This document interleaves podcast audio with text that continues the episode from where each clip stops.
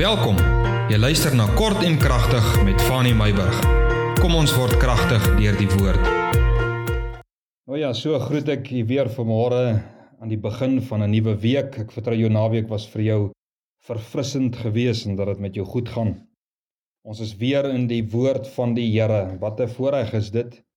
En hoe leersaam is dit om uit die woord van die Here te kan lees en daarvolgens te sien wat die Heilige Gees in ons lewe doen en hoe ons ons lewe moet lewe nou dat ons kinders van die Here is en soveel te meer omdat ons disippels van Jesus Christus is. Ek wil met jou gesels oor Christus se beveelings. Matteus 28 vers 19. Ons ken hierdie skrif redelik goed. Ons ken hom so goed soos Psalm 23, nê? Nee? Matteus 28 vers 19 sê: "Gaan dan heen, maak disippels van al die nasies en doop hulle in die naam van die Vader en die Seun en die Heilige Gees en leer hulle om alles te onderhou wat ek julle beveel het. Nou dit is belangrik om te weet dat die Here het vir ons 'n opdrag uit Matteus 28:19 en die opdrag is ons moet gaan. Hoekom moet ons gaan? Want die oes is groot, die arbeiders is min sê Jesus en wat moet ons gaan doen? Ons moet nie net mense vertel van Jesus nie, maar ons moet disippels gaan maak van al die nasies. En hier is baie belangrike begrip nê, al die nasies, niemand uitgesluit nie, almal ingesluit in die evangelie boodskap van Jesus Christus. En dan belangrik hulle moet gedoop word. Dit is die doop die waterdoop die doop van die gelowige. Nou dat hulle tot geloof in Christus gekom het die beeld van ons sterf in ons sonde ons staan op in 'n nuwe lewe en ons doen dit in die naam van die Vader Seun en Heilige Gees en dan baie belangrik dis waaroor ek wil gesels die Christus se beveelings en leer hulle om alles te onderhou wat ek julle beveel het hier's 'n baie belangrike beginsel gaan maak disippels leer die disippels, maar wat moet hulle geleer word? Gaan ons hulle leer van om ander mense die hande op te lê? Gaan ons hulle leer van hoe om mense te vertel van Jesus? Gaan ons hulle evangelisasie leer met ander woorde? Gaan ons hulle leer hoe om duiwels uit te dryf? Nee. Jesus sê gaan leer hulle om alles te onderhou wat ek julle beveel het. Nou hier is 'n spesifieke orde. Ons kan nou kyk uh presies wat het Jesus beveel uh, aan sy disippels en Jesus sê presies daardie bevele wat ek julle gegee het, moet julle weer aanstuur na die disippels wat julle gemaak het. Baie belangrik om te sien Jesus sê leer hulle om alles te onderhou wat ek julle beveel het. So Jesus se opdragte se opdrag is sy bevele. Leer hulle my bevele sê Jesus. Met ander woorde, nie ander mense se opinies nie, maar gee die disippels dit wat ek geleer het. Baie belangrik. En waar kry ons dit? Ons kry dit alles in onder andere die boek van Matteus en Markus en Lukas en Johannes, maar spesifiek wil ek sommer uit Matteus uitwerk want ons het Matteus 28 vers 19 mos nou gelees. Nou wat ek vir jou wil sê is kind van die Here, disippelskap beginsels verander nie mense nie. Wil jy moet die begrip mooi verstaan? Heilige Gees verander mense. Jesus in ons verander 'n mens, maar Jesus gee sekere beveel, hy gee sekere riglyne hoe om jou geestelike lewe te lewe. Dit is daardie innerlike verandering wat 'n uiterlike verandering bring sodat ons 'n Christelike lewe kan lewe in hierdie wêreld waarin ons is. Ons weet dat ons anders moet lewe. Maar wat is die ander lewe. En dit is wat Jesus sê, leer hulle om alles te onderhou wat ek julle beveel het. As jy hulle alles gaan leer wat ek julle beveel het, dan gaan hulle die ander se lewe gaan hulle sien en hulle gaan presies weet hoe hulle moet lewe. As ek jou vanmôre 'n vraag kan vra. As jy sou kyk in die hele Matteus, hoeveel dinge is daar wat Jesus beveel het? Hoeveel van hulle ken jy? Hoeveel van hulle lewe jy? Dit is 'n vraag en dit is 'n tipe van 'n uitdaging. Hoeveel van hulle ken jy? Hoeveel van Jesus se be beveelings leef jy uit? Verstaan jy, het jy begrip van? Want Jesus se beveelings is baie belangrik om te weet want Jesus se beveelings deel met die innerlike mens, maar Jesus se beveelings deel ook met die uiterlike mens. Nie net hoe dinge moet wees en hoe dit moet gaan aan die binnekant van die geestelike mens, met ander woorde die karaktertrekke van 'n geestelike mens. Dit is byvoorbeeld as ons gou-gou vinnig gaan daarso 'n na Matteus waar Jesus spesifiek in Matteus 5 van praat en hy het gesê ons moet arm van gees wees. Dit is baie belangrik. Dit spreek van die innerlike mens, nê?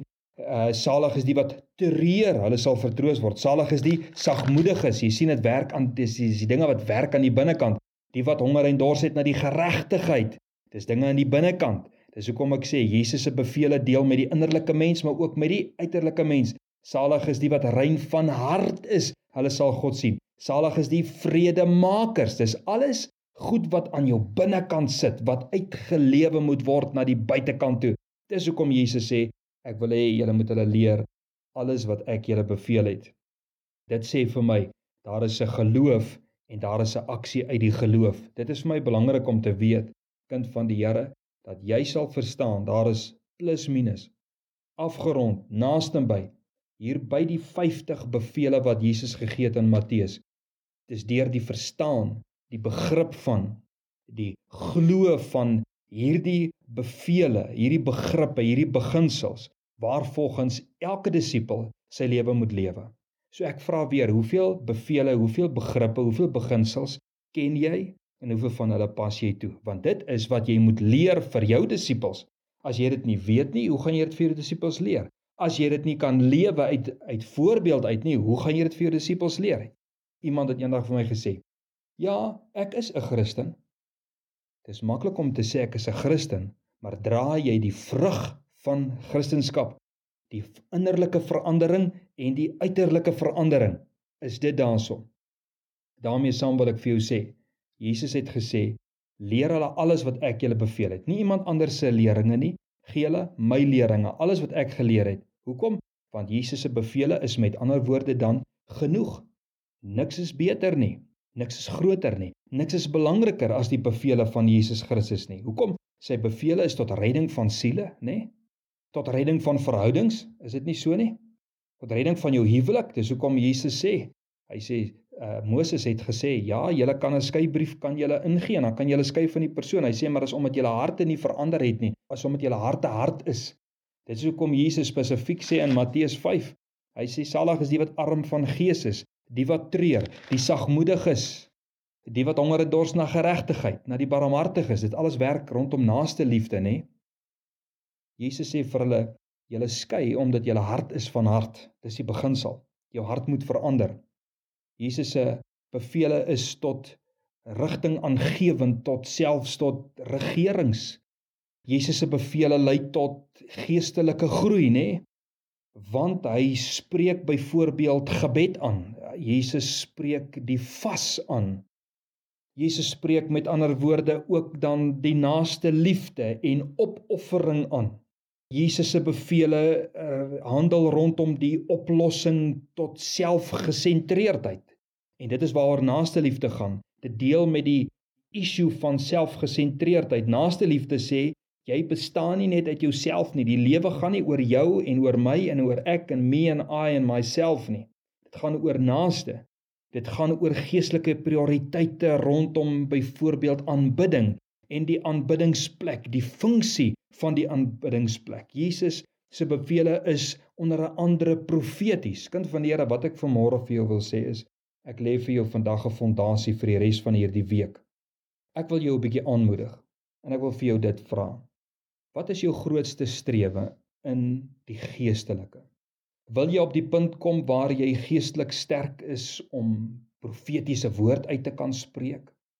Waar die geestelike gawes deur jou werk, waar demone gehoorsaam is jou, waar met ander woorde waar jy demone kan uitdryf. Wat is jou wat is jou groot geestelike begeerte in die lewe? Weet jy wat sien ek? Ek sien dat baie kinders van die Here, ek praat van kinders van die Here, ek praat nie van 'n wêreldling nie. Ek praat van kinders van die Here sukkel om hulle huwelike aan mekaar te hou. Sukkel om hulle gesinne bymekaar te hou gesukkel om hulle tieners onder hulle dakke te hou om eenheid in die in die huwelik en in die gesin te hê. Ek sien mense sukkel met finansies. Ek sien mense sukkel met geloof om die Here te vertrou vir wat ook al, of dit nou verlossing is en of dit nou sonde is en of dit nou uh, geldelik is en of dit nou gebed is. Ek sien basiese begrippe waarmee mense sukkel en Jesus gee vir ons al hierdie riglyne in sy bevele. So ek bemoedig jou vandag. Ek wil jou aanmoedig vandag en ek wil vir jou sê gaan vat Matteus en dan lees jy 'n bietjie Matteus vir 'n slag. Rustig, stil. En dan kyk jy al die bevele wat Jesus Christus gegee het. Jesus het hierdie bevele gegee en vir sy disippels gesê dis al wat julle nodig het om julle disippels te leer. Dis al, niks anders nie. En jy sal vind van Matteus 1 tot by Matteus 28 gaan jy vind hier is alles genoeg, meer as genoeg vir jou geestelike lewe. Selfs vir die profete, selfs vir die apostels, selfs vir die herder en die leraar en die evangelis en die een wat die duiwels wil uitdryf en die een wat in die gawes van van die Heilige Gees wil funksioneer. Al die antwoorde gaan jy kry in Matteus. Want Jesus het gesê ek wil hê julle moet julle disippels niks anders leer as wat ek julle geleer het nie want dit is absoluut genoeg. Kind van die Here, dis my aanmoediging, dis my uitdaging. Vat 'n bietjie die woord van die Here. Lees dit, pas dit toe en die Here gaan jou seën daardeur. Seën en vrede tot ons môre verder gesels uit die woord van die Here.